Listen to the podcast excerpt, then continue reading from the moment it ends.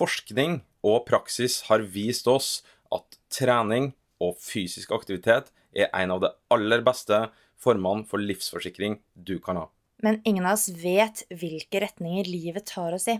Og selv ikke trening kan beskytte deg mot uforutsette hendelser som brann og ulykker i hjemmet ditt, et sykt barn eller forsikre bilen din. Til det her har du forsikringene fra Fremtind Forsikring, som er eid av Sparebank1 og DNB. Set, go! Velkommen til prestasjonsprat med Eirik og Melina. Hei, Melina. Hallo, Eirik. Da er sommeren over, og vi er tilbake i Oslo. Ja, det er egentlig veldig deilig, og jeg kjenner det skal bli godt å komme i gang med hverdagen. Den nye hverdagen.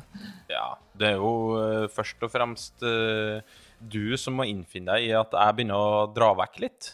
Eh, nå eh, Blink starter i dag. Vi spiller jo inn den podkasten her litt før den eh, kommer ut. Så Blink skifestival starter i dag. Jeg er ikke der, eh, men vi skal vi setter i gang samlingslivet. Sånn, det normale samlingslivet starter allerede neste uke. Og da, det er jo noe jeg gleder meg vanvittig mye til. Mer enn noen gang, egentlig. Å, så hyggelig, da. ikke for å komme meg vekk fra deg og Niklas, Nei, men, men uh, for at eh, ting skal bli mer eller mindre normalt da, i en litt sånn unormal verden, så jeg, det gleder jeg meg til. Jeg gleder meg egentlig litt sammen med deg òg, fordi det betyr jo at du er veldig motivert da, for det som kommer, og den jobben som skal gjøres inn mot, uh, inn mot ski-VM. Det er helt sikkert, og plutselig så begynner snøen å dette, så det, det er en del trening som skal gjøres for den tid. Hvis vi går tilbake elleve år eh, i tid, da satt vi begge to på skolebenken eh, på Norges idrettshøgskole. Og vi skulle da på andre året på NIH så skulle vi ha et fag som het humanfysiologi. Der hadde vi en foreleser som eh, het Jonny Hisdal. Og det er en foreleser som har satt dype spor både til meg og til deg. Og det, det med positivt fortegn, fortegn fordi Jonny, han eh, Jeg tror ikke jeg overdriver når jeg sier at han var alles favorittforeleser. Og det er mange årsaker til det. En av de kanskje litt sånn overraskende årsakene til det, er at han er en eh, er og var en eh, analog person i en digital verden. Han hadde rett og slett kritt- og tavleundervisning. Og man kan tenke seg at det liksom i powerpointens tid eh, var kanskje litt rart.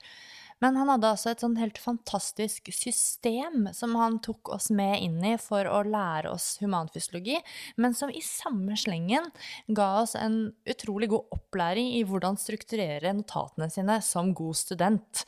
Eh, og det kom jo veldig sterkt til nytte når vi skulle ta eksamen. Så han jeg tror han ga oss mye mestring i et fag som eh, egentlig er veldig sånn komplekst og kan oppleves ganske sånn vanskelig, da. Ganske stort fag. Det, skal, det, det er ikke at det var et dypdykk i alle organene i kroppen og alle cellene, men det er sånn overordna på hele kroppen. da, så det er ganske sånn stort sånn sett. Mange systemer vi skulle lære oss. Og så er han utrolig god til å fortelle og forklare, og forklare vanskelige ting og komplekse ting på en enkel måte.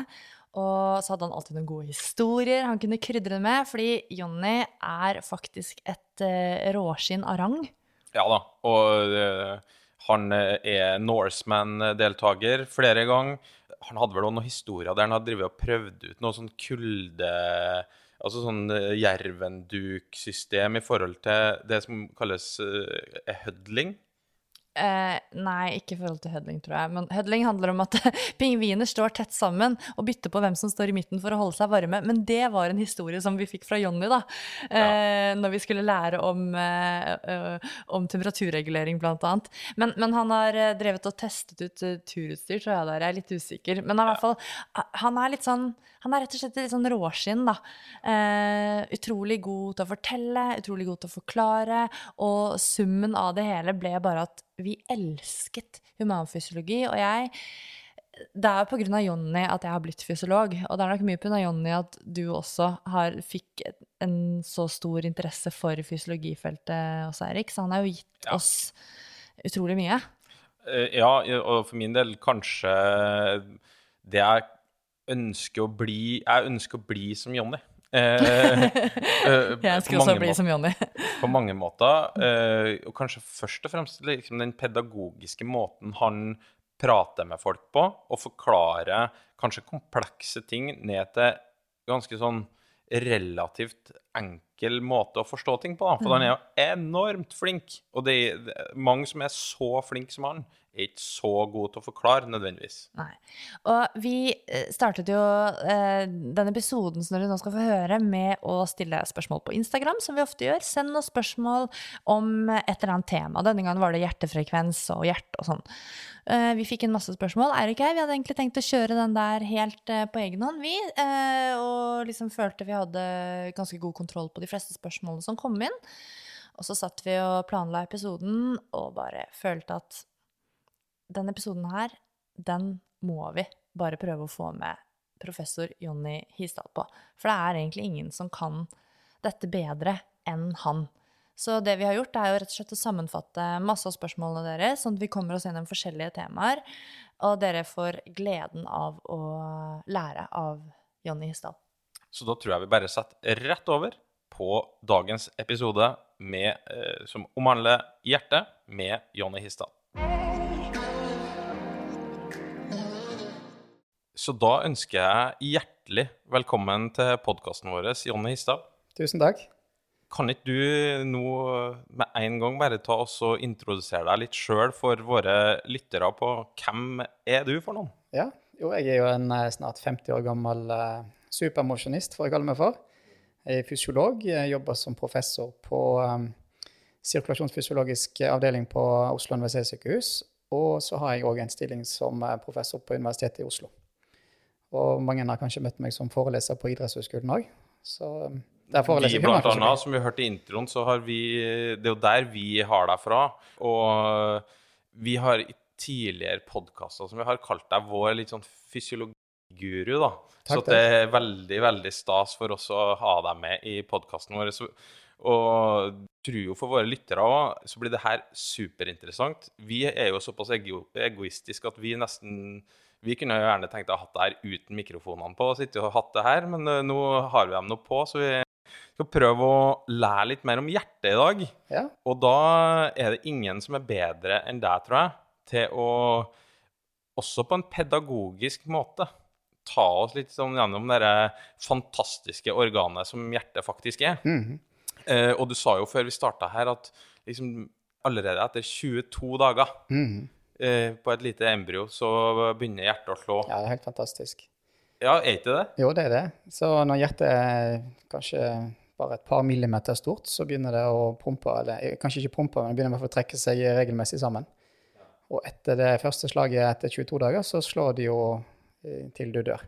Ja. Ca. 100 000 slag i døgnet etter vi blir voksne. Så det blir ganske mange slag i løpet av et liv. Ja, det er helt utrolig.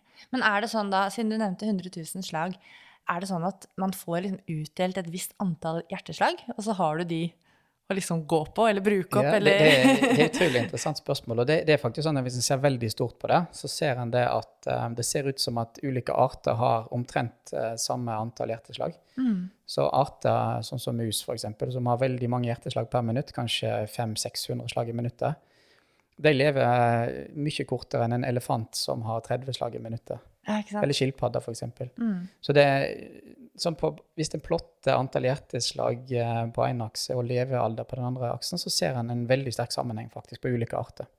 Det, det er én art som skiller seg litt ut, og det er mennesket. Vi, vi trumfer det her lite grann, og det ser ut til at vi lever litt lenger enn eh, vi skulle gjort i forhold til antall slag. Da. I forhold til antall slag. Ok, det er godt å høre. Ja. Handler det litt om altså, moderne medisin og holdt på å si, levevilkår? Ja, mest sannsynlig at vi, vi vet litt grann om hva som skal til for at vi kan leve lenger sant? og ta våre forhåndsregler. da. Men når, Eller ja, la si for 1000 år siden, når levealderen kanskje var mye kortere enn i dag, så er det mulig at vi passet mer inn på den trenden. da. Men jeg, jeg tror ikke en skal være redd for å bruke de opp. For det, så det er sagt. Det er noen som, jeg, jeg har sett noen som har tatt det der litt langt og tenkt at eh, Til og med argumentert med at trening kanskje ikke er sunt, for da har han jo så høy puls. Nei, ikke sant? Men husk på, hvis du trener én time i løpet av et døgn med høy puls, så kan det godt hende at du blir så god form at du har lavere puls de 23 andre timene i døgnet. Så det er slett ikke sikkert at du, at du når bunnlinja telles opp, at du har brukt flere slag allikevel. Nei, det er gjøre opp regnskapet til slutt, ja. Ja. Ja, det er nettopp det. og Akkurat det med pulsen og hvordan eh, hjertet påvirkes, eh, og hvordan det, akkurat det der fungerer, kommer vi Ja. inn på litt senere i podkasten i dag. Men vi tenkte at vi skulle egentlig starte veldig sånn overordnet med rett og slett litt anatomi. Eh, fordi for å forstå hvordan hjertet fungerer, hvordan funksjonen er, så må vi vite litt hvordan det egentlig er strukturert Ja. også. Kan ikke du fortelle oss litt, Jonny, hvordan, hvordan ser hjertet ut? Ja, hjertet det er, jo, det er jo et organ og en muskel. sant? Um, den, veldig enkelt sagt så kan en si at det er omtrent like stort som knyttneven din. Så når du knytter knyttneven, så stor er omtrent hjertet i kroppen. Egentlig så er hjertet to pumper. Den ene pumper, pumper blod opp til lungene sant, i det lille kretsløpet. Og den andre pumpa pumper blod ut i kroppen i det store kretsløpet. Så det, egentlig så er det to pumper som er satt sammen. Høyre Ja. side pumper til lungene, og venstre side pumper til hjertet. Og det som er litt artig, er at det er helt forskjellig det er helt forskjellige forhold i det lille kretsløpet og det store kretsløpet. Det er mye lavere blodtrykk i lungene. Og, og grunnen til det er så lavt blodtrykk i lungene, det er at ikke en skal få væske inn i lungene. Der er det om å gjøre at eh, luften har så kort avstand ifra, ifra alvolene, da, som er de små eh, blærene som luften kommer inn når du puster inn, og inn til blodet. Det er antageligvis grunnen til at det er lagd sånn at vi har forskjell på trykk i lungene og ute i kroppen. Ja. Og hvis du da, mm, i og med at det er lavere blodtrykk i lungekretsløpet, så er jo høyre side av hjertet den er mye tynnere, mye tynnere vegger, helt annerledes anatomisk enn den eh, venstre side. Mm. Venstresiden får da på en måte litt mer trening, Vi måtte Ja. være litt, uh, litt høyere trykk. Det får den. Mm. for eksempel venstre ventrikkel, som er det hjertekammeret som pumper blod ut i kroppen. Der har mye tjukkere vegg enn høyre ventrikkel, som pumper blod opp til lungene. Men det som kanskje er det svakeste punktet i hjertet vårt i forhold til trening, det er jo høyresida.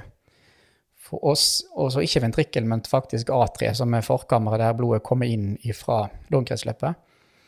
Eh, Det er ofte der problemene oppstår hos idrettsutøvere som trener mye. Da ser en at dette kammeret utvider seg eh, forholdsmessig mer enn de andre kamrene i hjertet. Og det er ofte der sånn flimmerproblematikk og sånn oppstår. At en, at en rett og slett eh, Det virker som at høyresida tåler den store treningsbelastningen litt dårligere enn venstresida. Ja. Men nesten all forskning, nesten all idrettsfysiologi, den handler om venstresida. Fordi det er den som har med prestasjon å gjøre. Mens patologi ser en ofte starte på høyresida. Akkurat det har jeg faktisk ikke tenkt på før. At det er liksom en side Altså at det er sideforskjell i forhold til selve muskulaturen, har vi liksom visst, men kanskje ikke at det er så Ja, at det, det går så utover den høyre siden, da. Ja, det gjør det. Og det, jo, det kalles for preload. Det trykket som hjertet har inntil hjertet, kalles for preload. Og under trening så øker preload. Da er det veldig mye hjert som kommer strømmende tilbake, nei, veldig mye blod som kommer strømmende tilbake til hjertet. Og den preloaden, den, eh, den er da tøff på, på høyre side. Sånn rent praktisk, er det, det er ikke noe vi kan gjøre for å liksom stimulere den ene siden mer enn den andre siden, er det det? Det er et veldig godt spørsmål. Det er egentlig ikke det. Det er veldig lite en kan eh, gjøre. Det, det å behandle blodtrykket f.eks. på høyre eller venstre side, det har ikke noe for seg. Eller det å sant? Det er jo litt moderne å bruke kompresjonsstrømper sant? for at det skal øke tilbakestrømmingen. Det vil jo da gjerne gjelde på, på høyre side, det òg. Men um, Men det har noen klinisk betydning? Kanskje ingen klinisk vanskelig. betydning. Nei, det har ingen klinisk betydning. Og, og det er jo veldig viktig å påpeke at dette er ikke noe stort problem. Um, fysisk aktivitet er så utrolig positivt for hjertet vårt og for kroppen vår at når vi snakker om patologi, det, det får som regel altfor stor plass i forhold til hva det burde hatt. Sant? Det, det er kun når du er veldig ekstreme og ekstreme tilfeller at dette blir patologisk, så får det uforholdsmessig stor eh, oppmerksomhet. Mm. Det er veldig eh, ikke sant, elsket av media å slå opp eh, blant annet sant, Hvis du hører om en eller annen fotballspiller eller om en idrettsutøver som får et hjerteproblem, så er det Ja. sånne store oppslag, og så eh, ringer det masse sånn idrettsforeldre til, eh, Ja, til meg, og så spør de om hva vi skal gjøre, om vi burde ta. EKG, og hva skal vi liksom Men det er jo faktisk veldig få som får eh, f.eks. atrieflimmer eller hjerteproblemer av idrettsutøvere i forhold til eh, hvor mange tusen timer man trener. Ja, Altså og i forhold til den helsegevinsten, så det, det, det er et sånt ikke-tema, etter min mening. Ja. Og, og, og for de, de det er aktuelt for, de vet det veldig godt sjøl. Det, det er folk som trener 20 timer i uka, eller opp mot 1000 timer i året, kanskje. de, de, de er jo helt klar over at de balanserer på en knivegg. For det, det må til skal du prestere på høyt nivå. Så nei, det, det, er litt interessant, det der. altså. Så er det av og til sånn du ser misbruk av statistikk òg, når du ser at um, f.eks. risikoen dobles eller et eller annet. Hvis det er et eller annet som er veldig lite sannsynlig, sant? uhyre sannsynlig, lite sannsynlig, og så blir det litt mer sannsynlig, da, øker, da dobles jo risikoen med en gang. Ja. det betyr jo ikke at det er noe særlig farlig for deg. Så det, det, kan jeg godt tenke meg at en er litt mindre bekymra for. Um, eller, eller, i hvert fall ha, skulle, burde hatt litt mer fokus på den positive og mindre på den negative effekten av trening. Da hører dere det, folkens, at det er et ikke-tema, rett og slett. Ja, ja, det, er det er bare å trene på. Ja, og det, i denne podkasten så skal vi ikke komme så veldig inn inn på det, den delen av hjertet heller. Vi, vi, skal jo Du var inne på det sjøl, innenfor prestasjon skal ja. vi etter hvert eh, komme oss inn på. Og du er jo inne på det sjøl, det er en knivsegg. Mm. Og så skal du prestere, og uavhengig om vi snakker med, om hjerte eller muskulatur eller alt, skal du bli verdensmester eller olympisk mester i noe, så, så må du pushe kroppen din. Ja, ja, ja. Og det det er ingen som er, er så god at de Nei. Eh, vinner på halv maskin. Nei. Nå vet vi jo litt mer om hvordan hjertet ser ut. Men hvordan blir egentlig et hjerteslag til? Ja, det er utrolig interessant. og det at det, du vet, alle, alle, andre muskler i kroppen vår trenger jo et, eh, et, signal fra nervesystemet for å trekke seg sammen. Eh, men det trenger ikke hjertet. I hjertet så er det en egen samling med celler i det som kalles for sinusknuten, som ligger på det ligger høyre forkammer, og det er kammeret som har den store belastningen, faktisk. De cellene de lager sånn at de de rett og slett lager et uh, aksjonspotensial, som det kalles for et sånt elektrisk signal, som da starter, hjerte, starter et hjerteslag um, regelmessig. Det kalles for pacemaker-celler. Um, og rent sånn fysiologisk så skjer dette rett og slett ved at det er, det er jonekanaler som er litt lekk for, uh, for joner. Sånn natrium og kalium og kalsium og sånn, som lekker gjennom disse kanalene. Når de når en viss spenning, så utløses et uh, hjerteslag. Så det, det, er nesten som en slags evighetsmaskin som bare går rundt og rundt, og rundt, og så slår hjertet det regelmessig. Og, og den grunnrytmen til hjertet den er 100 slag i minuttet. Det er ikke alle som tenker på det, men den er faktisk 100 slag i minuttet. Så tar du hjertet ut av kroppen, tar vekk alle nerver, alle hormoner, så slår hjertet helt regelmessig 100 slag i minuttet, faktisk. Alle, hjerte, alle menneskelige hjerter gjør det? Ja, de gjør det. Og det er påfallende likt, altså. Um, hvis du da har en puls som under 100, som de aller fleste av oss har i hvile, da er det fordi at nervesystemet modulerer eh, eh, hvor lekk disse jonekanalene Det blir skilt ut eh, et stoff fra nervesystemet som gjør at det blir mindre lekk. Og når det blir mindre lekk, så går det lengre tid mellom hvert eh, hjerteslag. Og det er en nerve som heter nervus vagus, som er en del av det autonome nervesystemet som, som skiller ut eh, denne transmittersubstansen. Um, veldig fascinerende. For kan, eh, hvis du er litt interessert i dette med puls, så kan du faktisk kjenne at pulsen vår er ikke stabil helt tatt heller. Den er jo, den, for det første er den under 100 slag i hvile, og for det andre så er den ikke stabil. Så hvis den f.eks. puster inn, da, um, da, avtar fyringen i nervus vagus. Det betyr at pulsen vil stige. Så de aller fleste vil kjenne at pulsen øker på innpust. Men når du puster kraftig ut, da fyrer nervus vagus veldig kraftig og skyller litt masse sånn transmittersubstans, og da går pusten ned. Så hvis du tar og palperer pulsen din f.eks. med å holde på halspulsår eller i en eller annen arterie på kroppen, så vil du kjenne at pulsen den øker på innpust, og den avtar på utpust. Og det er et veldig godt tegn. Det bare viser en sånn fysiologisk refleks som er, som er veldig sunn. Sunn refleks. Mm, og da er vi jo inne på hvordan egentlig Um, pulsen reguleres. Mm. Uh, og da nervus vagus er jo uh, Det blir jo en del av si, parasympatiske mm. uh, nervesystemet, som er liksom bremsen i ja. nervesystemet. Mm. Um, men når vi skal oppregulere pulsen, da er vi mer over i det sympatiske. Ja. Mm. Det som er litt fascinerende, er at når vi skal få opp pulsen, så er det til, til og med to mekanismer som kan få pulsen opp. Det ene er nervesystemet, som du nevner. Da er det en del av det autonome nervesystemet som kalles for det, den sympatiske delen, da, som uh, skiller ut en annen transmittersubstans. Ikke acetylskolin som uh, nervus vagus, men uh, rett og slett noradrenalin. Så når det kommer noradrenalin på sinusknuten, da blir de cellene mye mer lekk. Og så øker pulsen. Det går kortere tid mellom hver gang de utløs, lager et sånt aksjonspotensial. hvis en eh, får problemer med dette nervesystemet, av en eller annen grunn, så har man en sånn sikkerhetsmekanisme til, og det er adrenalin. Adrenalin det produseres jo fra binyrene våre, binyremargen. Og adrenalin det er òg en sånn gasspedal i kroppen vår. Så, så, når en trener, så vil en få en effekt både av adrenalin og noradrenalin fra disse nervene. Mm. Og for å prestere optimalt, sant, så må jo hjertefrekvensen gjerne reguleres presist i forhold til det behovet en har. Og da er det et sånt veldig flott eh, avansert reguleringssystem som justerer mengden av adrenalin og noradrenalin for å få riktig puls. Og det som er fascinerende, er at til, til bedre trent du er, og til, bedre, til mer vant du er til å gjøre en aktivitet, til fortere vil du treffe den riktige pulsen. De som ikke er vant, de vil ofte ha en litt høyere puls enn det som egentlig er nødvendig. Og så vil en se at pulsen vil gå ned eh, etter en stund og stabilisere seg. La oss si du aldri har sykla på en ergometersykkel før og stiller den på 200 watt og begynner å tråkke på den, så vil de aller fleste oppleve at pulsen stiger og stiger og stiger. Og så vil den plutselig gå litt ned og stabilisere seg på et platå som er riktig. Men har du sykla mye på 200 watt, så tråkker du to-tre ganger, så går pulsen rett opp. Og så virker det som at har, hjertet har et sånn forhåndsinnstilt eh, program eh, der du treffer helt riktig puls med en gang. Så det bare viser at det er ikke bare hjertemuskelen som tilpasser seg, men òg reguleringssystemet trener du faktisk når du trener. Det er helt utrolig at det, liksom, hjertet er så eller selve reguleringssystemet er så fintunet da, ja, det det. etter eh, hvilken aktivitet man gjør, og mm. hvor god du er til å gjøre aktiviteten. Mm. Um, er det kanskje også litt sånn at når du blir eh, I mine tanker gikk egentlig med en gang til arbeidsøkonomi. Ja. At du blir også bedre teknisk, og derfor kanskje pulsen ikke blir like høy som den ellers ville blitt når du var dårligere teknisk i en bevegelsesform, men det blir kanskje ja, det litt noe annet? Det vil bli noe annet. Mm. For arbeidsøkonomi det vil bare være på en måte fortelle hvor mye oksygen du egentlig trenger for ja, å utføre den. Og Uavhengig av hjertefrekvensen. Ja, og har du mm. dårlig arbeidsøkonomi, så trenger du litt mer. Derfor har du høyere puls.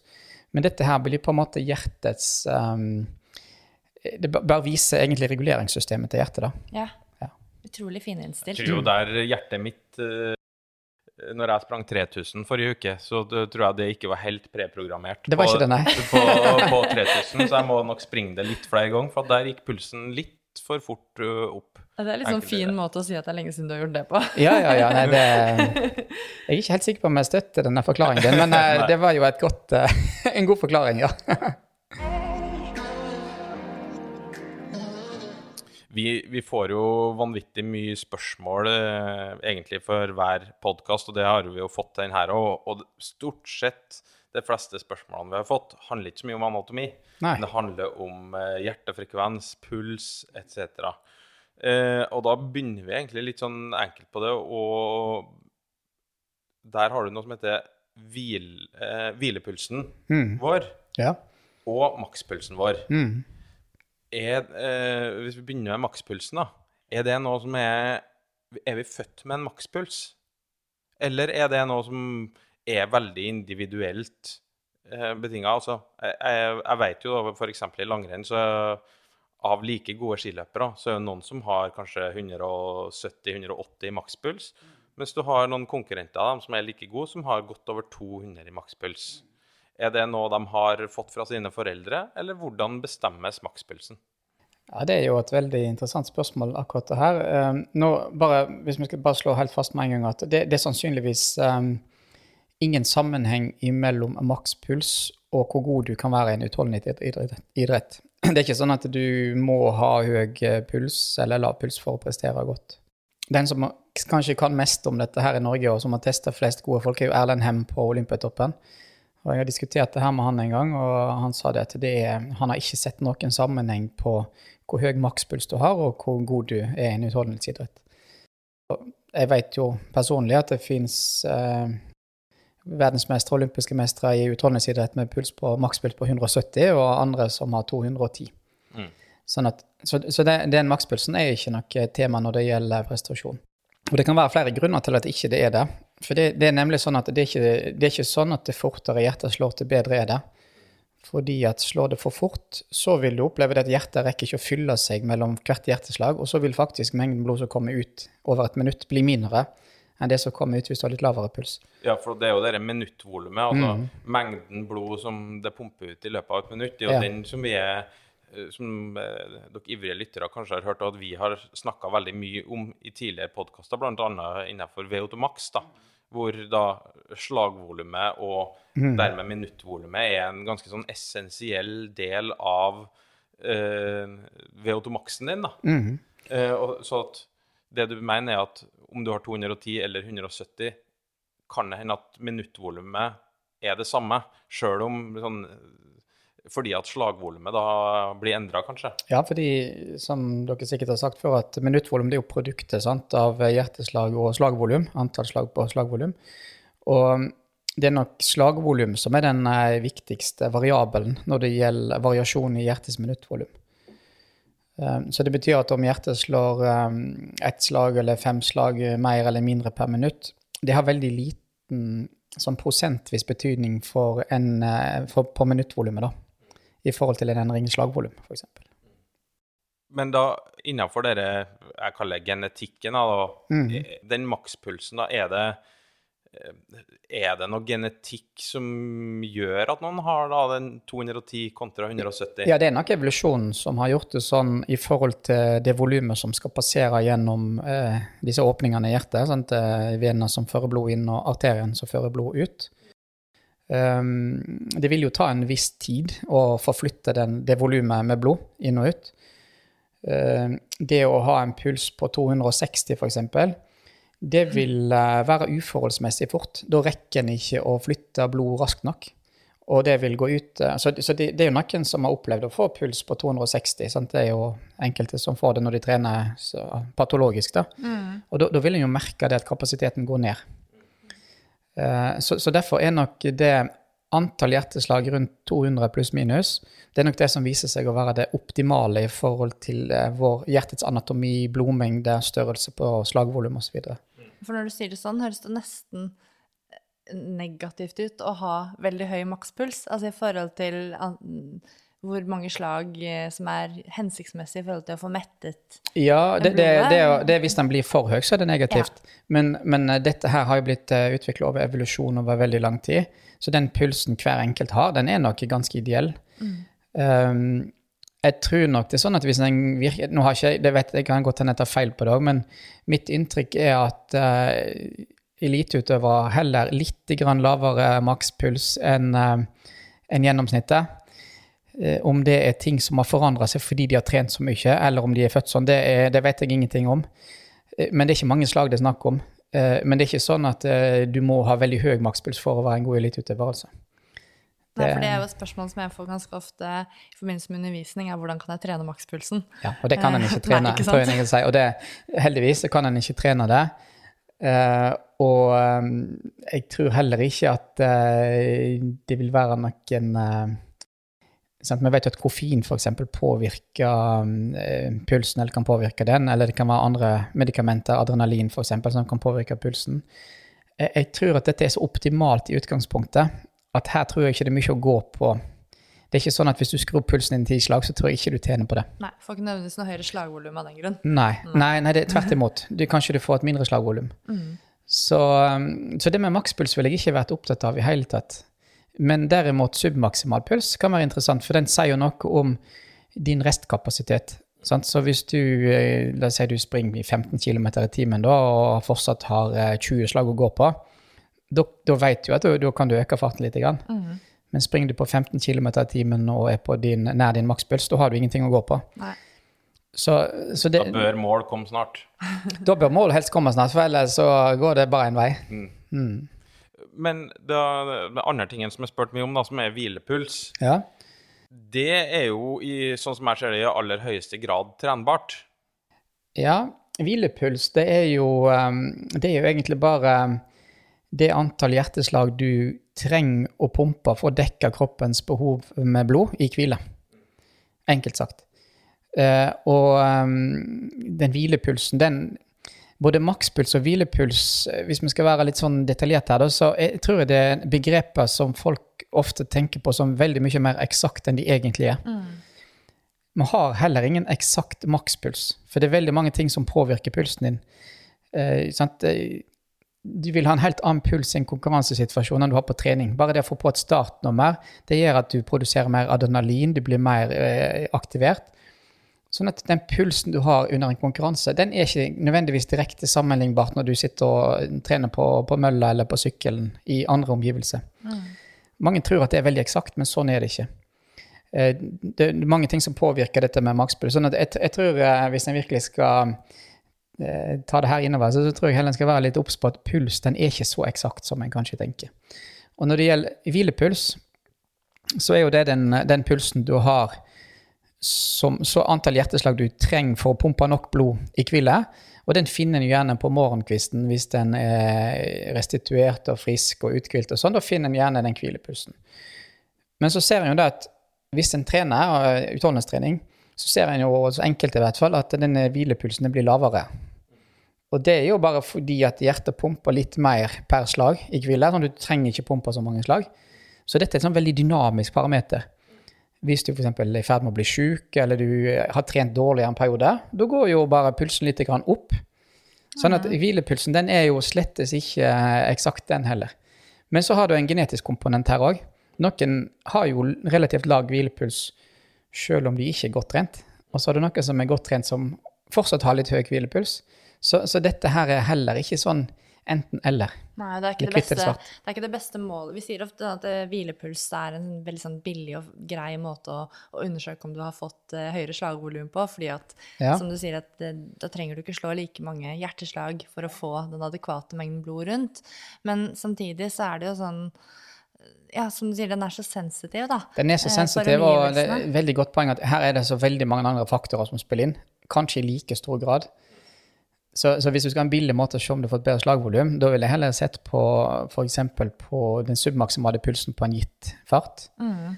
Og kanskje det som aller best er å se hvor fort pulsen går ned etter du har hatt en hard intervall, f.eks.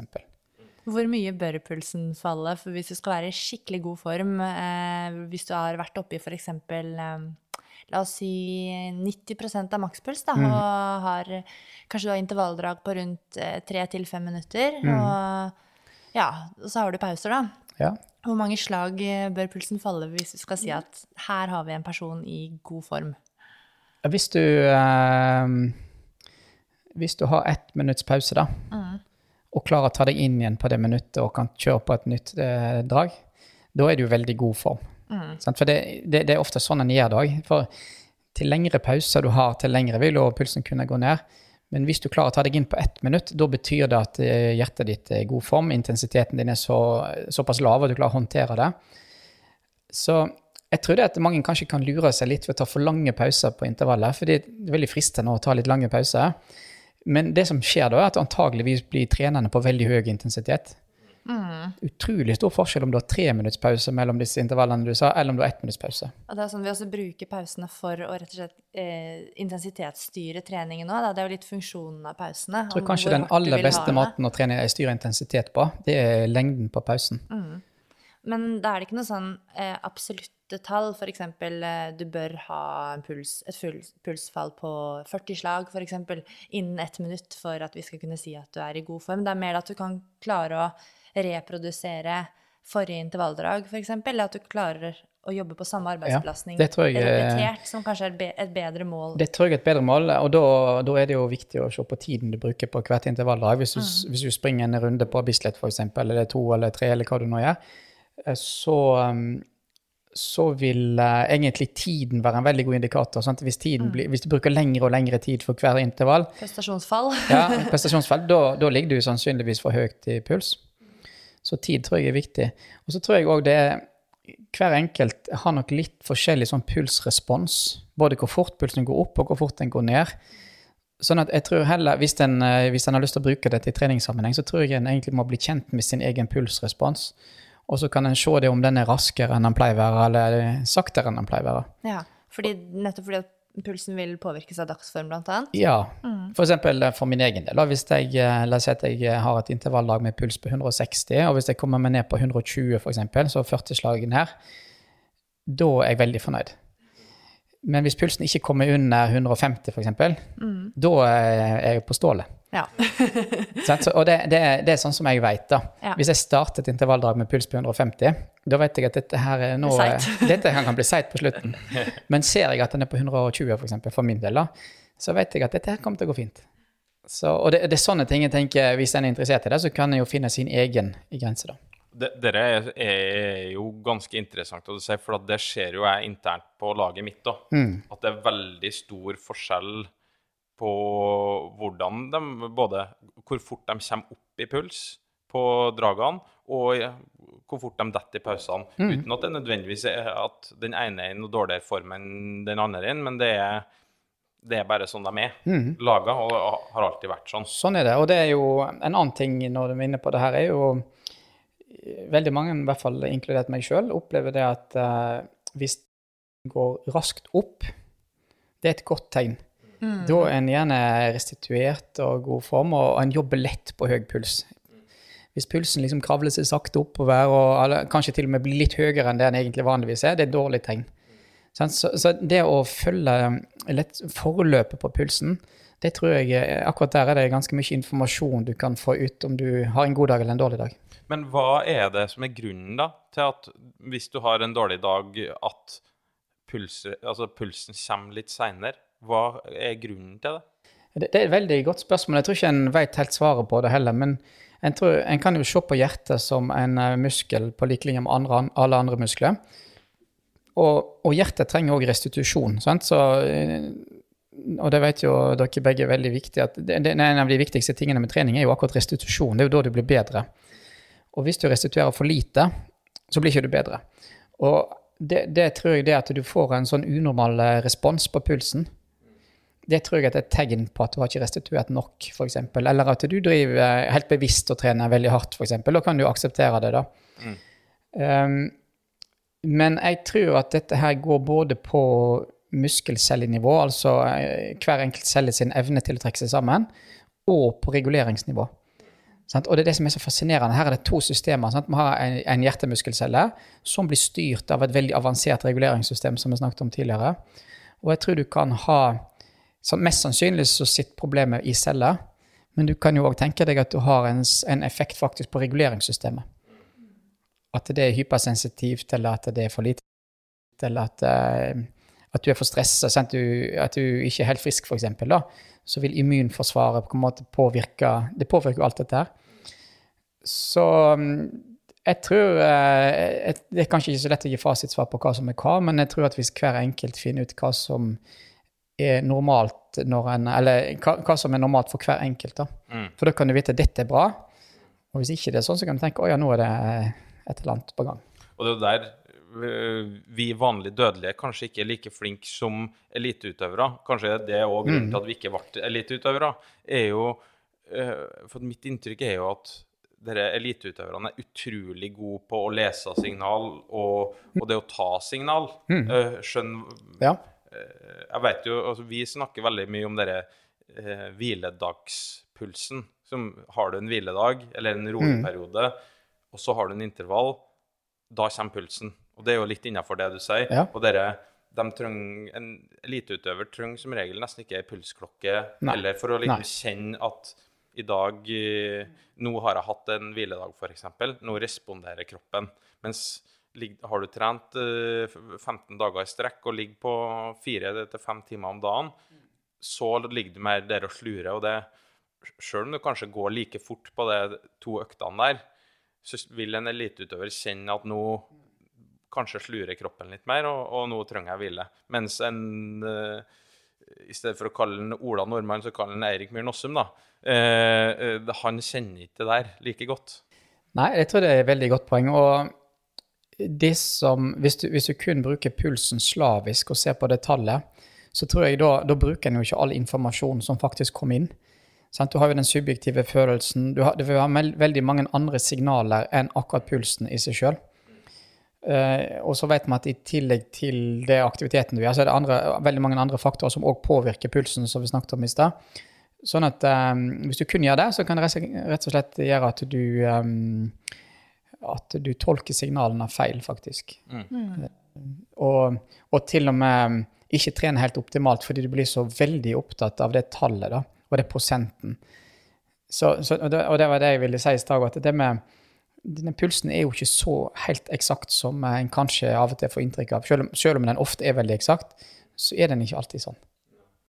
Nei, Så man kan ikke stole blindt på pulsen som eneste verktøy når man skal styre treningen sin. Nei, det vil jeg ikke gjøre. Det blir for enkelt, tenker jeg. Ja, og jeg tror, jeg tror faktisk det er next level, det du snakker om, at når en da kan frigjøre seg fra den, men faktisk stoler på følelsen. Mm. For den følelsen, den er Så lenge omgivelsene er ganske stabile og konstante, så er den følelsen veldig eh, veldig god å, å stole på. Ja. Men du må jo ha gjort det veldig mange ganger for å vite hva du skal føle. da. Det her er, det her er jo inne, veldig innafor eh, det jeg snakker om i mange sammenhenger. Du snakker om utvikling og juniorløpere og sånn innafor hvert fall den idretten på med dere, Når skal vi begynne med pulsklokke, og, og hvilken puls skal han juniorutøveren her ligge på, og sånn mm. på den intervallen. Og så er jo mitt mitt mantra oppi her at pulsklokke og bruk av puls jeg, jeg, jeg, tror det er fint å ha etter hvert. Mm. Men det er òg som et sånn supplement til følelsen. Mm. Eh, for, og den må du Du må aldri glemme å ha med følelsen, da. Og, og junioralder og, og, før det òg er jo en alder hvor du skal lære deg å trene. Du skal lære deg å kjenne din egen kropp. Vi trenere skal på et vis tilrettelegge litt, så at du får prøvd å trene mye hardt i en periode, mye rolig i en periode, eh, litt blanding i en periode, sånn at du får kjent hvordan ulikt stimuli funker på deg. Mm. Og så må du etter hvert da gjøre deg opp en mening på hvordan er min puls når jeg gjør det her over tid. Mm. Eh, og dere tar jo noen år. Ikke, du Nei, lærer ikke det der eh, på 14 dager. Jeg gjør ikke det, og det er jo, vi ser det jo i mange andre sammenhenger òg, at um, f.eks. et tall blir veldig eksakt. 172 i puls, det er et veldig eksakt tall. Mm. Men det er ikke sikkert 172 betyr det samme to dager på rad. Sånn at det med å være litt obs på det at et eksakt tall, det er faktisk ikke så eksakt. For det er, det er så mange andre faktorer som kommer inn. Det tror jeg er viktig å ta inn over seg på et eller annet tidspunkt. Ja, og der nå nå blir jo jeg veldig ivrig her, for jeg hører jo veldig mange snakke om ja, men eh, I3-en min slutter på 172, da, og I4 starter på 173. Mm. Og vi ja. skulle jo gjøre I3-økt, sånn, og jeg hadde faktisk eh, fire sekunder opp i I4, så at jeg bomma litt på økta. da. Ja. Og da er jo Det jeg prøver å si òg, er at der intensitetssonene er veldig, veldig bra, men samtidig så er det kan det i en del sammenhenger bli fucke opp litt i hodet til utøvere fordi at de, blir, de er satt såpass eksakt som de er, da. Mm.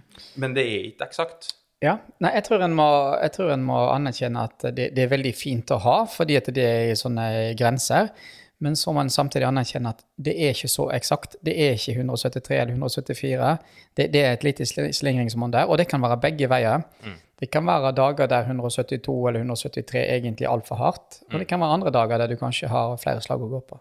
Ja, og det er for dere av lyttere som har gjort sånne laktatprofiler og, og, og sånn der, så, og da får du jo en, en slags sånn får utskrevet på blå resept en, en mm. terskelpuls mm. på et vis. Og ja. Vi har jo vært inne på det tidligere i vår episode om akkurat det med terskel, og at mm. det er jo et, det er et område ja. Eh, og, og den, selv om du får 172 utskrevet i terskelpuls, så kan den eh, dagen etter du drakk tre glass rødvin, den kan være 165. Mm. Eh, mens når du er nærme sweet spot, og nå, nå går mm. det så det griner, ja. nå er OL, ja. da er den plutselig 177, da. Ja, det er absolutt sånn. Sånn er det nok. Mm. Jeg har lyst til å spørre litt mer om restitusjon i forhold til ja. hjertet. For det er jo um, sånn at musklene og senene våre de trenger jo restitusjon etter at vi trener. Og så nevnte du også at hjertemuskelen trenger også restitusjon. Mm -hmm. Men hvordan skal vi vite hvor lang restitusjonstiden trenger? Fordi at um, når det gjelder skjelettmuskulatur, så har vi jo egentlig en del forskning som forteller oss litt om hvor, lang, hvor mange timer du bør restituere etter en mm. gitt mm. type økt, f.eks. Eh, hvordan er det med hjertemuskulaturen og det å liksom komme tilbake til eh, normalnivåene etter en tøff intervalløkt, f.eks., eller? Ja, det, det, er jo sånn, Som en tommelfingerregel så kan en jo si det at til bedre trent du er, til kortere restitusjonstid trenger du. Sant? For det, Ikke bare det at du kan eh, prestere bedre, men du trenger også kortere tid for å komme tilbake igjen til utgangspunktet. Så um, tror jeg det at um, Jeg tror rett og slett at du må kjenne på responsen for å se, din egen respons for å se om du har restituert lenge nok. Hvis du, du snakker om intervalltrening, da, og hvis du har intervalløktene for ofte, så vil du etter hvert se det at du klarer ikke å trene på den samme pulsen. Det går lengre tid før pulsen kommer ned igjen mellom dragene, f.eks. Mm.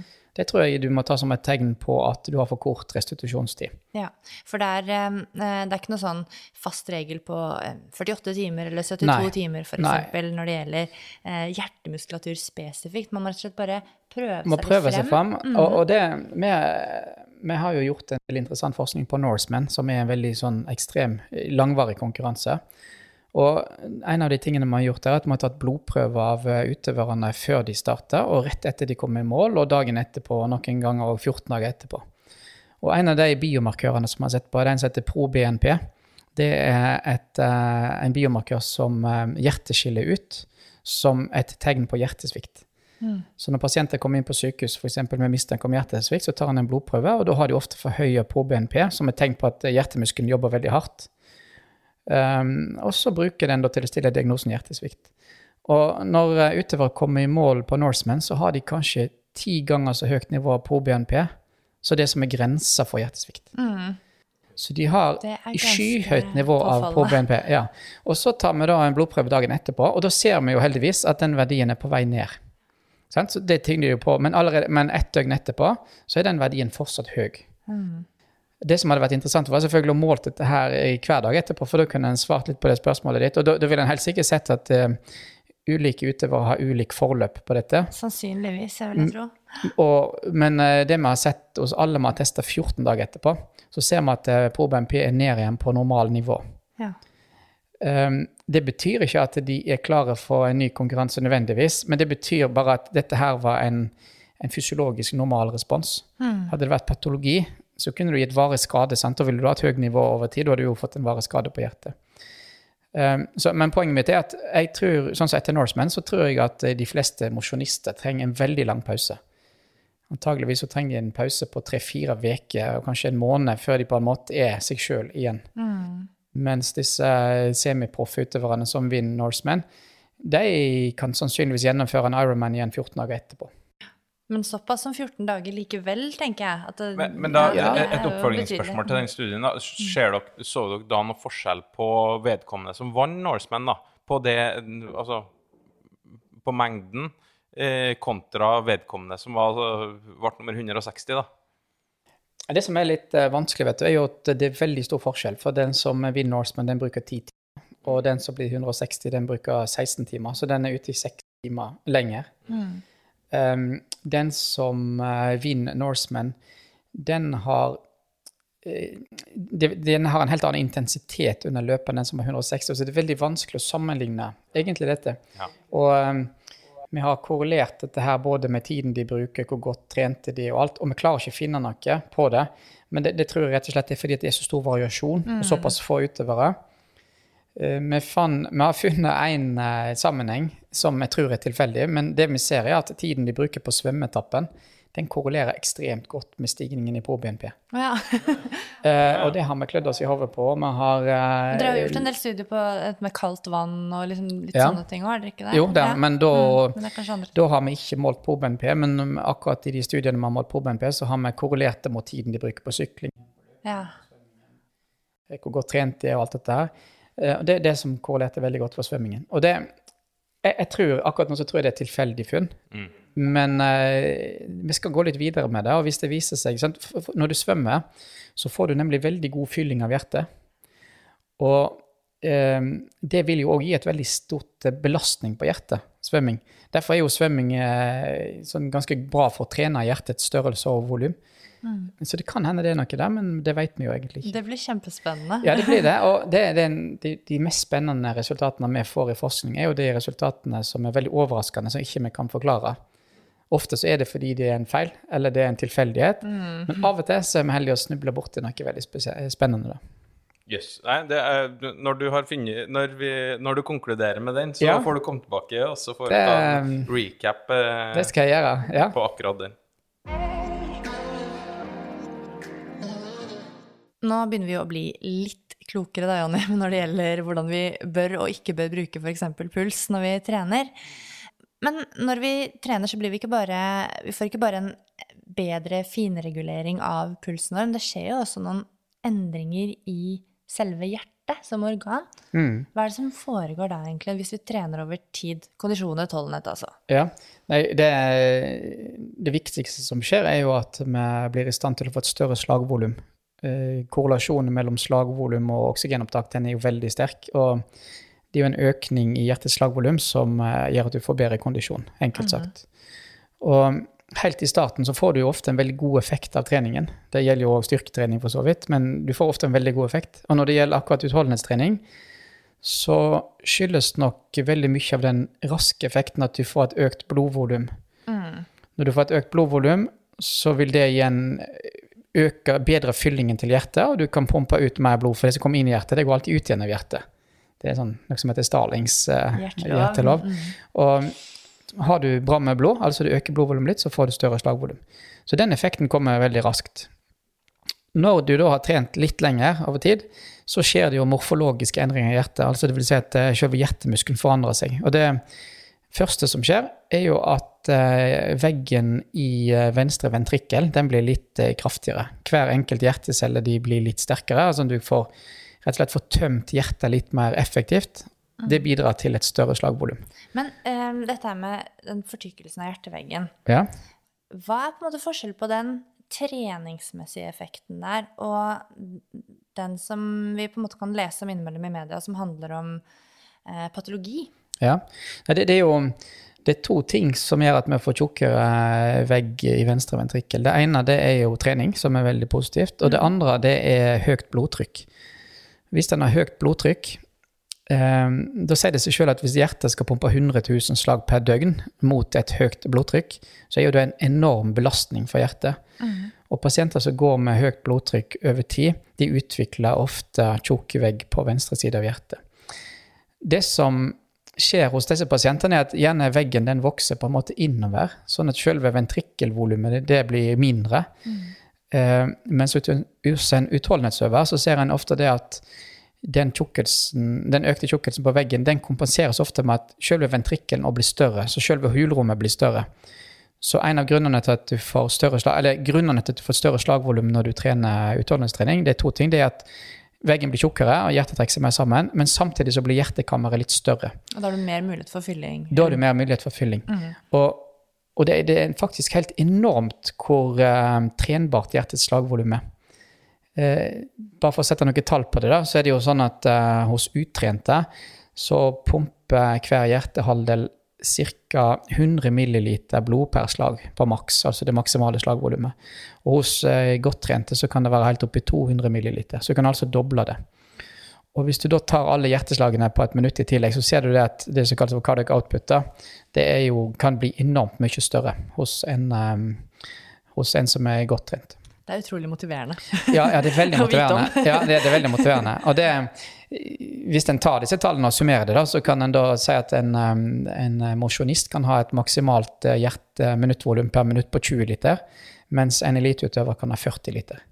Det, det er forskjell på en Porsche og en eh, sliten folkevogn, altså. Det er Yes. veldig stor, ja, det er stor forskjell på. Og så er det det er ikke alle som blir Porsche, men det kan bli noe derimellom. Nei, det er ikke alle som kan bli det. Det er nok, ja. Men um, Det er mye fine biler mellom folkevogner Ja, er og Ja, ja, ja, nei, det er sant. det. Det er der de fleste er, da. ja. Ja. du nevnte litt på blodtrykket, ja. Um, er det sånn at hvis du har um, eh, f.eks. Eh, lav hvilepuls, så har du også lavt blodtrykk? Det er det noen som har sendt inn et spørsmål om. ja. Det er ikke nødvendigvis sånn. Nei. Hvordan er sammenhengen mellom puls og blodtrykk? Ja, det var et interessant spørsmål, og det, det kommer litt an på hvor detaljert vi skal gå på det. her, For blodtrykk er ikke bare blodtrykk heller, vet du. Um, Det, bare for å ta det, blodtrykk det er jo det, det, er jo det trykket blodet har inne i blodårene. Sant? Det er definisjonen på blodtrykk. Men så skiller vi jo mellom systolisk blodtrykk, som er det høyeste trykket når hjertet trekker seg sammen, og diastolisk blodtrykk, som er det laveste trykket når, når hjertet driver og fyller seg med blod sant? på arteriesida. Og så har en i tillegg det gjennomsnittlige blodtrykket på en hjertesyklus, det som kalles for mean arterial pressure, gjennomsnittlig trykk, det er ikke påvirket av trening.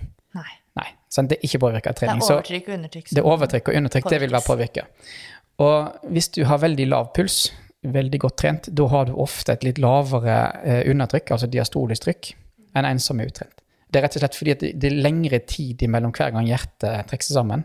Det vil da gjøre at blodtrykket faller litt mer mellom hver gang hjertet slår.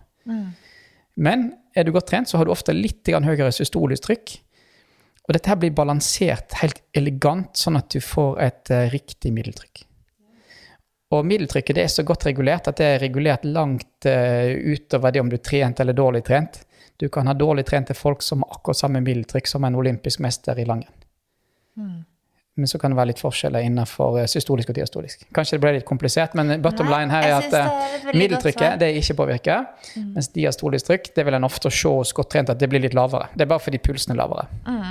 Men ok, så hvis, man da, hvis vi da legger til grunn at det middeltrykket ikke er trenbart og lar seg påvirke, ting jevner seg ut, um, men så vet vi jo likevel at det er viktig å være i god fysisk form fordi at det gir et lavere eh, blodtrykk. Ja, det, det, det er litt viktig å nyansere det spørsmålet litt. Fordi det er nemlig sånn at eh, hvis du har et normalt blodtrykk La oss si du har 120 over 80 og et Ja. middeltrykk på 93. Da er det normalt. Det, det vil folk som er helt utrente, vil ha det, og folk som er supergodt trente, vil ha det trykket. Da, det, da vil det altså si at eh, selv om du da er utrent og begynner å trene veldig, så vil ikke det blodtrykket ditt forandre seg, for det er det kroppen vil ha. Men det en ser, er at pasienter som har litt høyt blodtrykk, når de begynner å trene, så får de redusert blodtrykket. Så trening det er antageligvis den aller beste blodtrykksmedisinen. Så trening har en effekt på blodtrykket hvis du har høyt blodtrykk, men det har ikke effekt på blodtrykket hvis du har normalt blodtrykk. Nei, ikke sant. Bra. Da Ja. fikk vi liksom satt den på Vi plass. fikk Ja. vi cleara av den. Ja. uh, du sa jo i innledninga her Mhm. At du, du er jo en professor som nærmer deg 50 år. Ja. Det la jo jeg merke til. Du eh, ser jo mye yngre ut enn eh, du er, for så vidt. Takk for det. Men vær så god. Viktig å smiske Ja, ja, ja. Nei, nei, nei. Men jeg tar den, jeg tar den altså. Ja.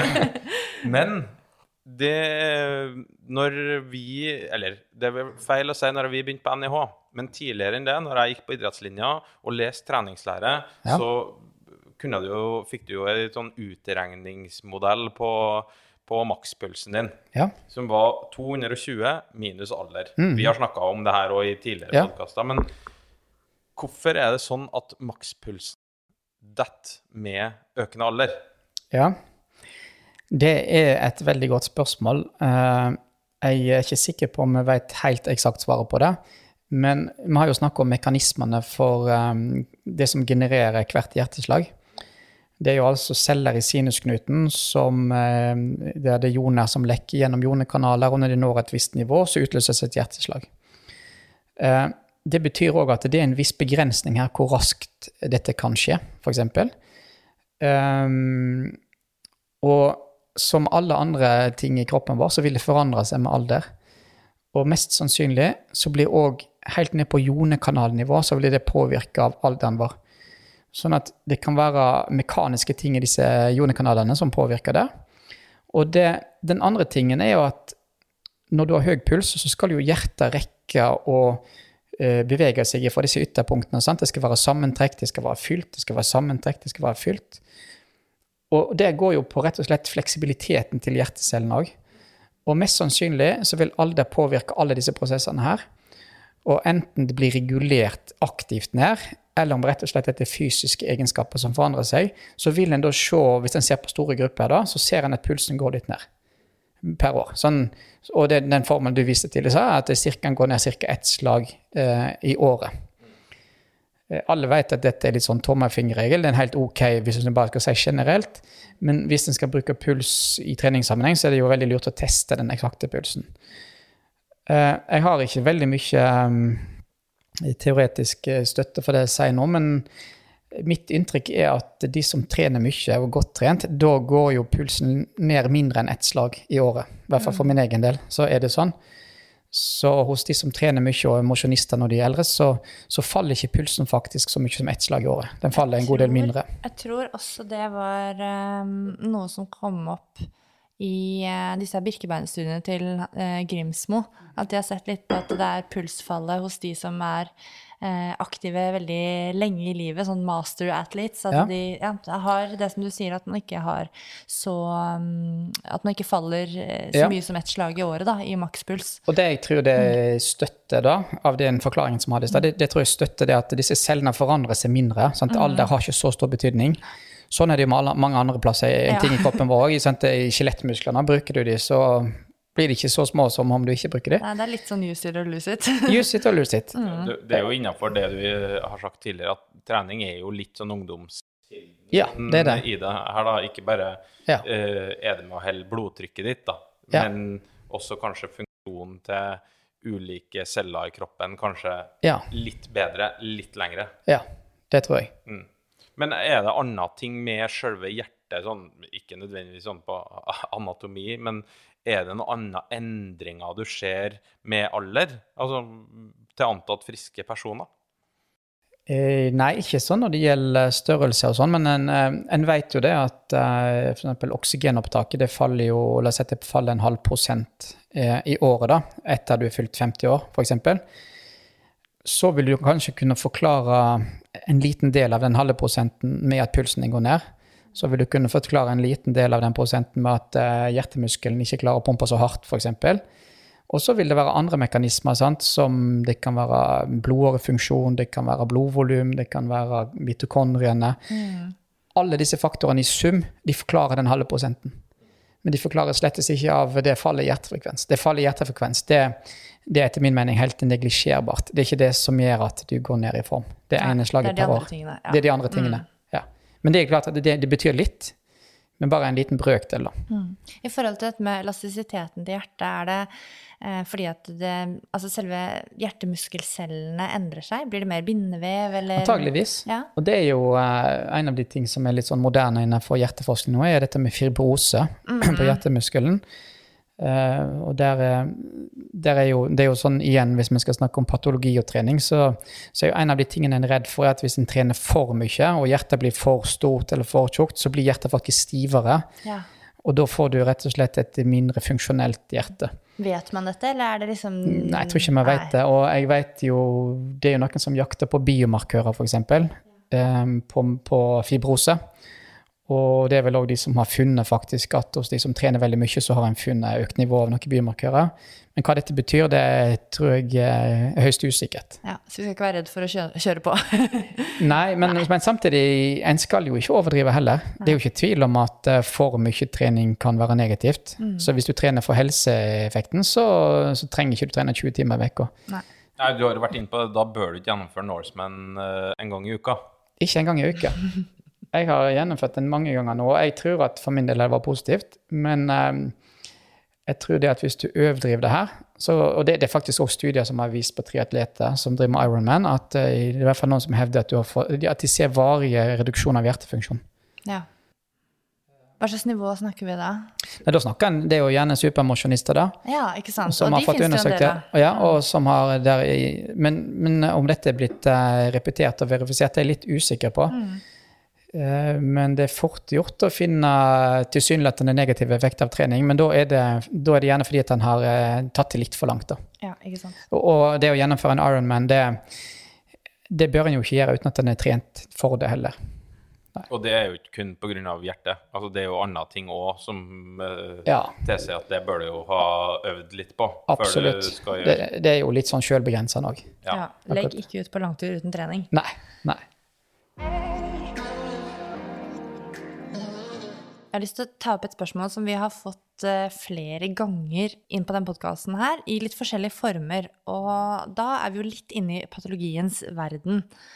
Og når det gjelder dette med betablokkere, som er jo noe som ganske mange blir satt på, og så er det en del som lurer på da hvordan kan man eventuelt Først og fremst, hva er betablokkere?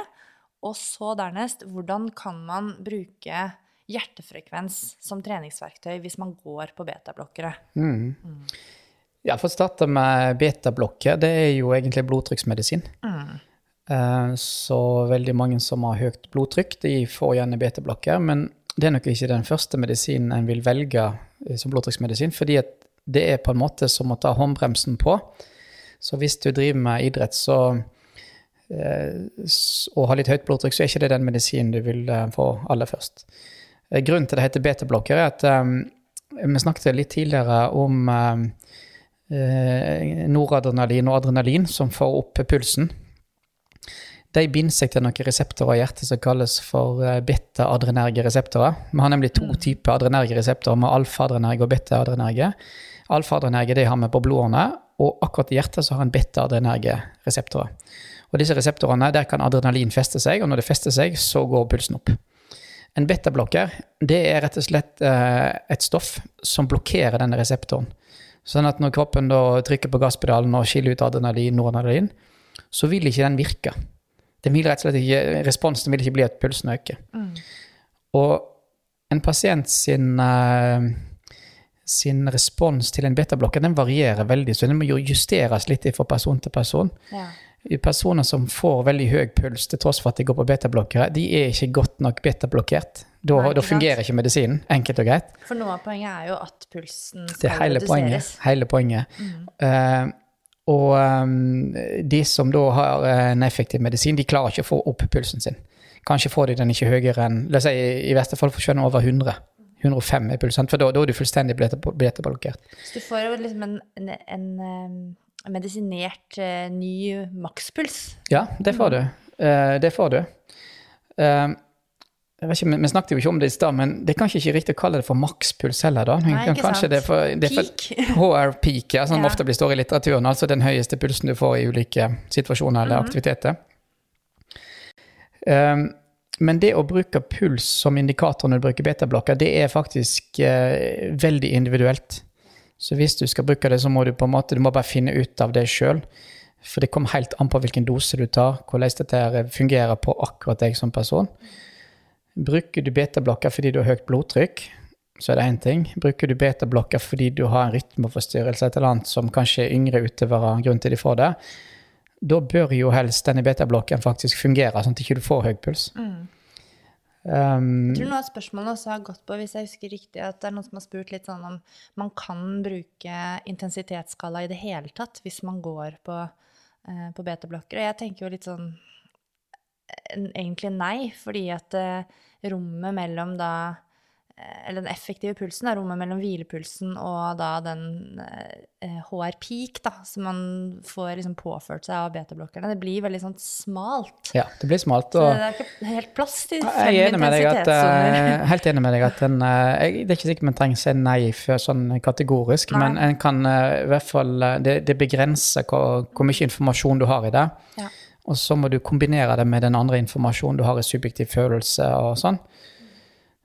Jeg tror det er det Kanskje enkleste best å svaret på det. bruke subjektiv følelse tatt sammen med pulsrespons, som du var inne på tidligere på Ja, trening. Ja.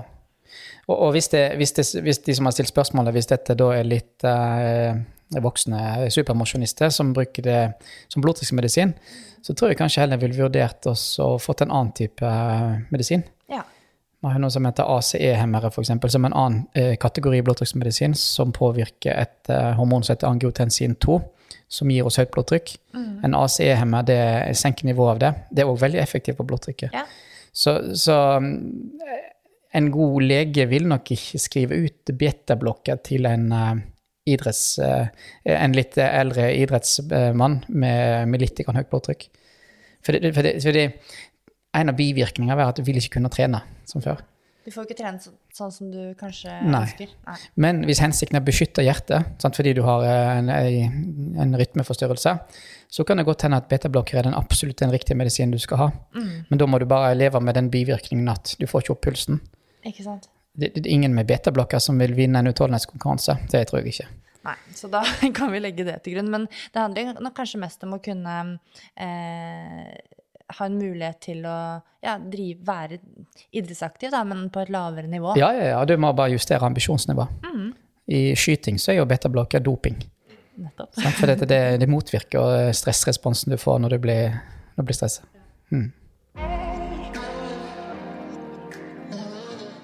Et annet spørsmål som jeg har fått, det gjelder såkalt cardiac drift. Jeg vet ikke om jeg har noe godt uh, ord på det. Det kanskje du har. Og spørsmålet er egentlig litt sånn åpent eh, om vi kan dykke ned i cardiac drift. Det høres ut som en egen episode, men vi prøver litt. Ja, og, og hvorfor, hvorfor skjer det her? Og, og er det noen skal ta hensyn til? Jeg kan jo kanskje starte med å forklare i hvert fall hva jeg legger i cardiac drift. Det er jo, det er jo vel det fenomenet vi ser hvis du f.eks. springer på en tredemølle på en konstant fart på intervallet, og så ser du det at uh, til flere intervalldrag du har, til høyere puls får du på akkurat den samme farten. Sant? Det, Arbeid skal være likt hele veien, egentlig. Det skal være likt. Det, det, er liksom, det, er liksom, den ene delen av cardiac drift. Det er nok litt mer komplekst, men jeg tror det er ofte det de fleste tenker på. Hvorfor kan du ha 160 puls når du springer på 15 km i timen på det første draget, men så har du plutselig 170 puls på akkurat den samme farten når du har kjørt seks drag. Sant? Det er cardiac drift. Um, jeg tror det, det, er gjort litt forskning på det. Um, jeg tror det er to komponenter her som en må tenke på. Uh, den første komponenten som gjelder hos de fleste av oss, det er rett og slett det at vi får en redistribusjon av blodet i kroppen som gjør at uh, hjertet må faktisk pumpe ut mer blod for å dekke behovet rundt omkring i kroppen. Det ene det er jo det behovet musklene har når du jobber når du springer. Men så har vi òg det som kalles for temperaturregulering. Sant? Det med å holde temperaturen vår konstant. Og når vi begynner å, når vi springer, inne særlig, så produserer vi mer varme enn vi klarer å avgi, og så stiger kroppstemperaturen. Og når kroppstemperaturen stiger, da sendes det mer blod ut i periferien, ut i huden vår, sånn fordi at vi skal kjøle oss ned. Og det ekstra blodet, det må hjertet pumpe. Så de ekstra slagene en ser, det, altså det som kalles for kardiokdrift, en del av de i starten kan forklares med at du får mer blod som går til huden, og det, må hjertet, det arbeidet må hjertet ta. Så det tror jeg er den ene biten. Den andre biten det er nok det som går på dehydrering. Når du svetter, så taper du jo væske. Og når du taper væske, så får du mindre blodvolum. Og så går slagvolumet ned. Og når slagvolumet går ned, så må hjertet kompensere for det og må slå mer. Så, så, dette her tror jeg er rett og slett en kombinasjon av uh, redistribusjon og, og dehydrering. Mm.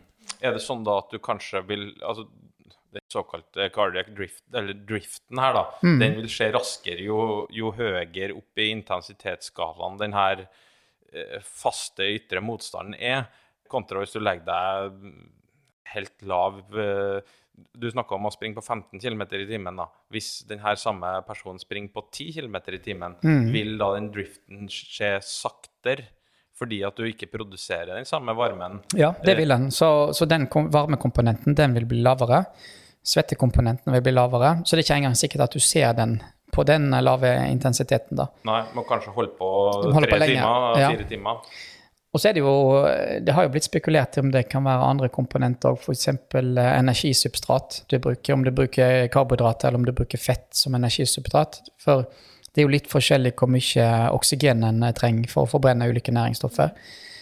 Eh, så det kan jo tenkes at det har en liten bit, men, men det tror jeg er lite det tror, bidraget tror jeg er lite i forhold til det de to som jeg nevnte i stad.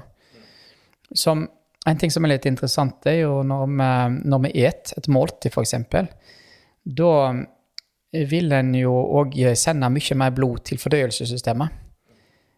F.eks. en av de store pulsårene i magen vår, arteria mesenterica superior, den gir blod til fordøyelsessystemet. Der går det ca. en halv liter blod i minuttet i hvile når du faster. Men etter et måltid så øker blodmengden der til ca. 1,5 liter. Altså 1 liter ekstra blod. Og for å, å kompensere for det, så slår hjertet fortere. Så de fleste vil da se at etter et måltid så har de kanskje ti slag høyere puls enn en har før måltid.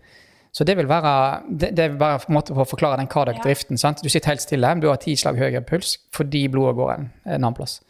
Sånn er det litt med, med cardiac-drift under trening òg. Og da er det vel egentlig ikke noe som man kan ta spesielt hensyn til i treningen, da, hvis jeg forstår det riktig, annet enn å f.eks. hydrere godt og passe på at man kler seg rett, så man ikke blir helt overopphetet. Liksom, det er noen sånne små ting man kan ja, gjøre. Ja, en kan, eh, kan, selvfølgelig prøve å, å kle seg så, så, lett som mulig, sant? så ikke blir overopphetet. Det er viktig. Og så um, kan en jo tenke seg at en kan drikke lite grann. Men det er jo ikke sikkert at uh, det gir noe dårligere treningseffekt. Kanskje tvert imot. Kanskje er det sånn, det, dette, dette, jo, dette, vil jo òg skje under en konkurranse, så hvis du trener for å prestere bedre, så må du jo trene på, på de, de, forholdene, da. Jeg mener faktisk at jeg har lest en artikkel om det her der de prøvde med å sette på masse sånn vifter Ja. eh, rundt eh, for å kjøle ned vedkommende som sprang på, Ja. på mølla. Men jeg, det er litt for langt bak i, i hjernen nøyaktig hva resultatene ble på det. Men eh, det var jo i hensikt å prøve å motvirke da, den her Ja. cardiac driften, da. Ja, men det var jo du vet, I forhold til OL som skulle vært i Tokyo nå, så var det jo veldig mye snakk om at det var så varmt, og varmeakklimatisering i forkant og sånn. For det, det er helt eh, klart at en presterer dårligere i varme fordi det går mye blod til huden. Men det som er litt artig, er at kroppen vår er jo ekstremt tilpasningsdyktig. Så hvis du trener i varme, så produseres det faktisk eh, et eh, større blodvolum. Rett og slett for å kompensere for dette blodet som går ut i periferien. Så, så det kan godt hende at kardiak drift er faktisk en del av den tingen du skal ta med i treningen. Og bare rett og slett tenke at det er positivt. fordi det er en av de tingene som stimulerer kroppen til å øke din egen prestasjon. Kan adaptasjon over tid. Ja. Men når du konkurrerer, så kan du kanskje tenke motsatt. Da må du prøve å legge til rette for at ikke det skal skje. ja, det er interessant. En annen ting eh, som jeg følte var, var litt sånn i vinden for noen år siden, det var å bruke da eh, heart rate variability, altså HRV, som et eh, treningsverktøy. Ja. Eh, hva lar det seg benytte som treningsverktøy, eller hva er dine tanker rundt Ja, igjen, jeg tror vi, skal, vi kan starte litt basalt hva dette egentlig er for noe. da. Eh, heart rate variability det er jo rett og slett et, eh, et mål på hvor mye hjertefrekvensen varierer fra slag til slag. Vi snakket litt om det tidligere når vi snakket om det autonome nervesystemet, at pulsen den varierer på innpust og utpust. Um, og det er kun i hvile dette er interessant. Heart rate variability ser du ikke under aktivitet, for da varierer ikke pulsen fra slag til slag. Så det å drive og se på hva det er heart rate variability under aktivitet, det, det gir ingen mening. Da er pulsen veldig stabil, for da er det det sympatiske nervesystemet som påvirker hjertet. Og det, det påvirker ikke hjertet fra slag til slag. Det er kun i hvile dette er interessant. Uh, I den grad det her er interessant, så er det etter min mening som et mål på, på restitusjon og hvor avslappa du er. Og det er jo sånn en kanskje har brukt i treningssammenheng òg. At en måler heart rate variability gjennom natta når en sover, og så ser en da hvis pulsen varierer mye, så er det et tegn på at du har høy aktivitet i det parasympatiske nervesystemet. Så det er bra. Det er bra. Og hvis den varierer mindre, så er det tegn på at du enten har trent mye eller eh, er i ferd med å bli sjuk eller stressa eller hva det er. Jeg eh, personlig, jeg har jo prøvd dette her litt, jeg òg, og jeg, personlig så ser jeg jo eh, at eh, heart rate variability den blir lavere hvis jeg eh, har trent hardt, eller hvis jeg er i ferd med å bli sjuk.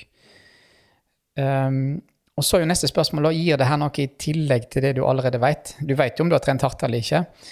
Uh, og svaret på det tror jeg er veldig individuelt. Jeg, um, kjenner jo en toppidrettsutøver, Tord Asle Gjerdalen. Han har jo brukt dette her systemet i veldig mange år.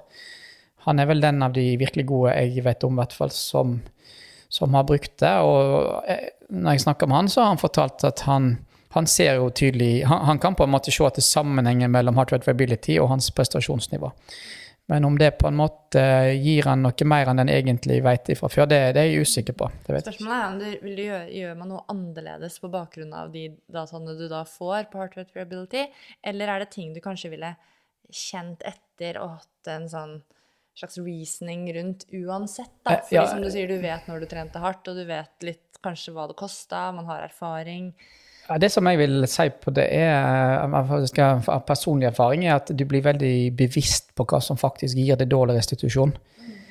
Eh, Drikker du to glass rødvin en fredagskveld, f.eks., så har du utrolig dårlig søvn den natta til lørdag. Det kan jeg skrive under på, fordi jeg har, bor sammen med en som uh, endrer helt natteatferd etter to glass rødvin. Ja. Eh, Rart med det. ja, og det å trene hardt før du legger deg, f.eks., det å ete sånn, det, det som kan være fint med det her, er at du faktisk kan bruke det til å bli litt mer bevisst. Hvis du er veldig seriøs da, og vil Ja. gjøre alt optimalt, så tenker jeg at dette er verdt å prøve. Mm, men for da å optimalisere restitusjonen, først Ja. og fremst. Ja, det, det tenker jeg. Og, og kanskje òg hvis du f.eks. er helt på en knivsegg og lurer på eh, hvor mye trening du faktisk tåler, så kan hende du kan bruke dette. Ja. I, I kombinasjon med mange andre ting. F.eks. hvilepulsen på natta. Den er òg veldig interessant i seg sjøl, i tillegg til variasjonen. da. Eh. Den går jo gjerne opp når du, eh, i takt med at heart rate variability går ned.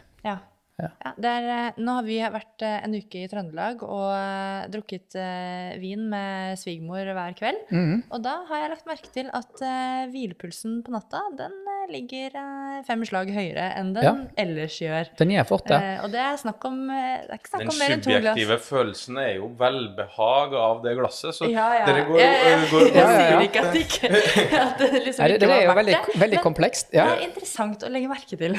ja. Du, vi, eh, du er jo en populær mann, Jonny, så Ja. du skal jo også videre på Du har jo til og med en vanlig jobb. Ja, ja, ja, Ikke sånn som oss som eh, bare Så har rundt. slaraffen din. Så du skal snart få eh, dra tilbake på din vanlige jobb. Ja. Men vi har noen sånn eh, litt mer eh, artige Eller artige er vel feil å si, men litt mer sånn uh, annen type spørsmål helt på slutten. Nå ble jeg litt bekymra. Nei, Nei, det er ingenting. Ja, nei. For du, vi vet jo at du er en ganske aktiv mann. Ja du trener og konkurrerer. Jeg har til og med lånt bort Det skisko til deg i et skirenn en gang. Det har Men du. hva er de, ditt beste sånn konkurranseminne eller treningsminne fra din skal vi kalle det aktive karriere? Ja, nå må jeg bare si at jeg er jo ingen stor eh, utøver. Jeg har vel aldri vunnet en konkurranse i hele mitt liv, tror jeg. Men eh, mitt, eh, mitt artigste konkurranseminne, det, det må jo være de første årene jeg drev på med Norseman. Den følelsen å sitte på ferja ute i, i Eidfjord og skal hoppe ut i kaldt vann, og det er sånn mørkt eh, klokka fem på natta, det, det glemmer jeg aldri, altså. Det er helt fantastisk. Og det å hoppe ut i det vannet og skal begynne å svømme inn til Eidfjord, eh, og ikke vite hvor langt Norseman egentlig er, så det er jo ikke noe du kan trene på, det har brent seg inn i mitt eh, sinn, altså, for alltid. Det er sånn konkurranseminne.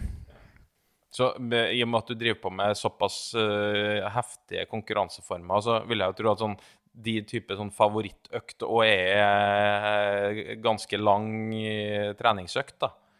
Ja, det er sånne lange sykkelturer, for eh, Ja, jeg har jo i alle år på våren sykla en tur fra Oslo til Bergen, for eksempel, fordi jeg kommer fra Vestlandet.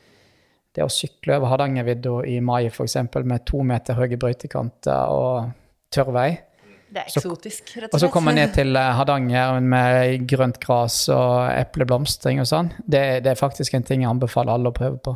Det er veldig, veldig fint, altså. Det høres ut som en tur jeg må trene litt til, i så fall. Apropos Jeg vil gjerne ta toget til Geilo òg, men akkurat den der overgangen mellom nesten flere årstider og i løpet av et par timer, det er ganske fascinerende. Men jeg er jo sånn som eh, jeg, blir veldig glad, jeg er veldig glad i å trene. da. For Jeg syns det er veldig kjekt å springe intervalltrening for eksempel, inne på Bislett. Ja, Det er veldig det er skøy. Det, det, er nesten, det høres litt rart ut, men jeg syns det er skikkelig kjekt. altså. Ja, det Det er i hvert fall en kontrast til å sykle over Hardangervidda og Ja, komme ja, ned ja. til full epleblomst i, i Hardanger, så er det en veldig kontrast til å springe inn i en betongbunker. Ja. Nei, det, det slår meg. Det, kan, det hadde jeg aldri trodd skulle bli interessant. Og til å begynne med så fikk jeg skikkelig vondt i beina mine òg. Tenkte det her er helt håpløst, men en jeg blir jo vant til det òg. Ja, ja, blir vant til det. Eh, du skal få lov til å dra tilbake til din vanlige jobb. Ja, takk. Eh, vi må si tusen hjertelig takk for eh, en enormt lærerik eh, drøy en og en halv time her. Ja. Eh, Vi er uh, helt uh, over oss, faktisk. For Så at du, kjekt. eh, Jeg, jeg husker jo faktisk dere to som studenter. jeg. Det begynner å bli Hvor lenge siden er det det er elleve år siden. Elleve år siden. I si tid. Det var sikkert fordi at du var så flink, vil jeg Ja, tro. ja, det må være det, altså. Ja, ja. Ja. ja. Nei, men uh, uansett, tusen hjertelig takk. Håper dere som lyttere har lært masse om det her fantastiske organet vi har som heter hjerte, og om hvordan vi kan uh, både bruke uh, trening som uh, et, en bit til å bli i bedre helse, sånn hjertemessig, og litt på basal anatomi etc. For dere som er spesielt interesserte, og vi vet jo at mange av våre lyttere er det, så kommer vi også til å legge ut en link til et sted der hvor dere kan finne mange av de forskningsstudiene som Jonny har vært delaktig i. Det var en fantastisk eh, god prat med vår gode venn, eh, professorvenn Jonny Hisdal. Ja, Det er eh, helt rått at vi fikk med Jonny på den podkasten her, for han er en travel mann. Vi vet jo at eh, det ofte er sånn at man har lyst til å lære mer om et tema som man får lov til å lære litt av. Og derfor tenkte jeg å komme med en bokanbefaling. Eh, hvis du har lyst til å lese mer om hjertet, men kanskje ikke gå liksom inn i forskningsartikler. Og dette er en bok som ble gitt ut til de som var foredragsholdere på et, eh, en konferanse jeg var på, Forum for klinisk fysiologi, back in the day. Og den heter Ditt fantastiske hjerte og er skrevet av doktor Jørgen Gravning. Og jeg vet at det fins mange populærvitenskapelige bøker om hjertet som kanskje har fått mer presseomtale og, uh, og sånt noe enn akkurat denne, men jeg må bare si at uh, Og jeg har lest de fleste, uh, i hvert fall de fleste norske som har kommet, og jeg må si at denne står ut som en av de beste. fordi at den tar for seg hjertet både liksom fra case-pasientsiden og litt sånn skriver om litt sånn til ære for de som er pårørende for en hjertepasient. Du lærer om hjertet under trening. Masse fun facts om hjertet. Så den kan jeg anbefale. Og den har også et veldig fint forord av selveste Ståle Solbakken. Så det er en bra bok å sjekke ut. I tillegg så er det bare å følge oss i sosiale medier videre. Dere finner oss på at prestasjonsprat. Og eh, vi er klare for en bra podkasthøst med dere lyttere, vi. Så Until next time. Ha det bra. Ha det bra.